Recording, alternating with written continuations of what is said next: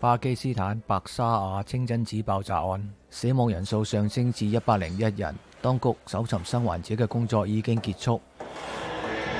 大约有一百万人参加教宗方济各喺光过金沙萨主持嘅弥撒，佢呼吁信众原谅嗰啲伤害过佢哋嘅人。星期三，英国有多达五十万名教师、公务员、火车司机同埋大学讲师因为薪酬同埋工作条件纠纷而罢工。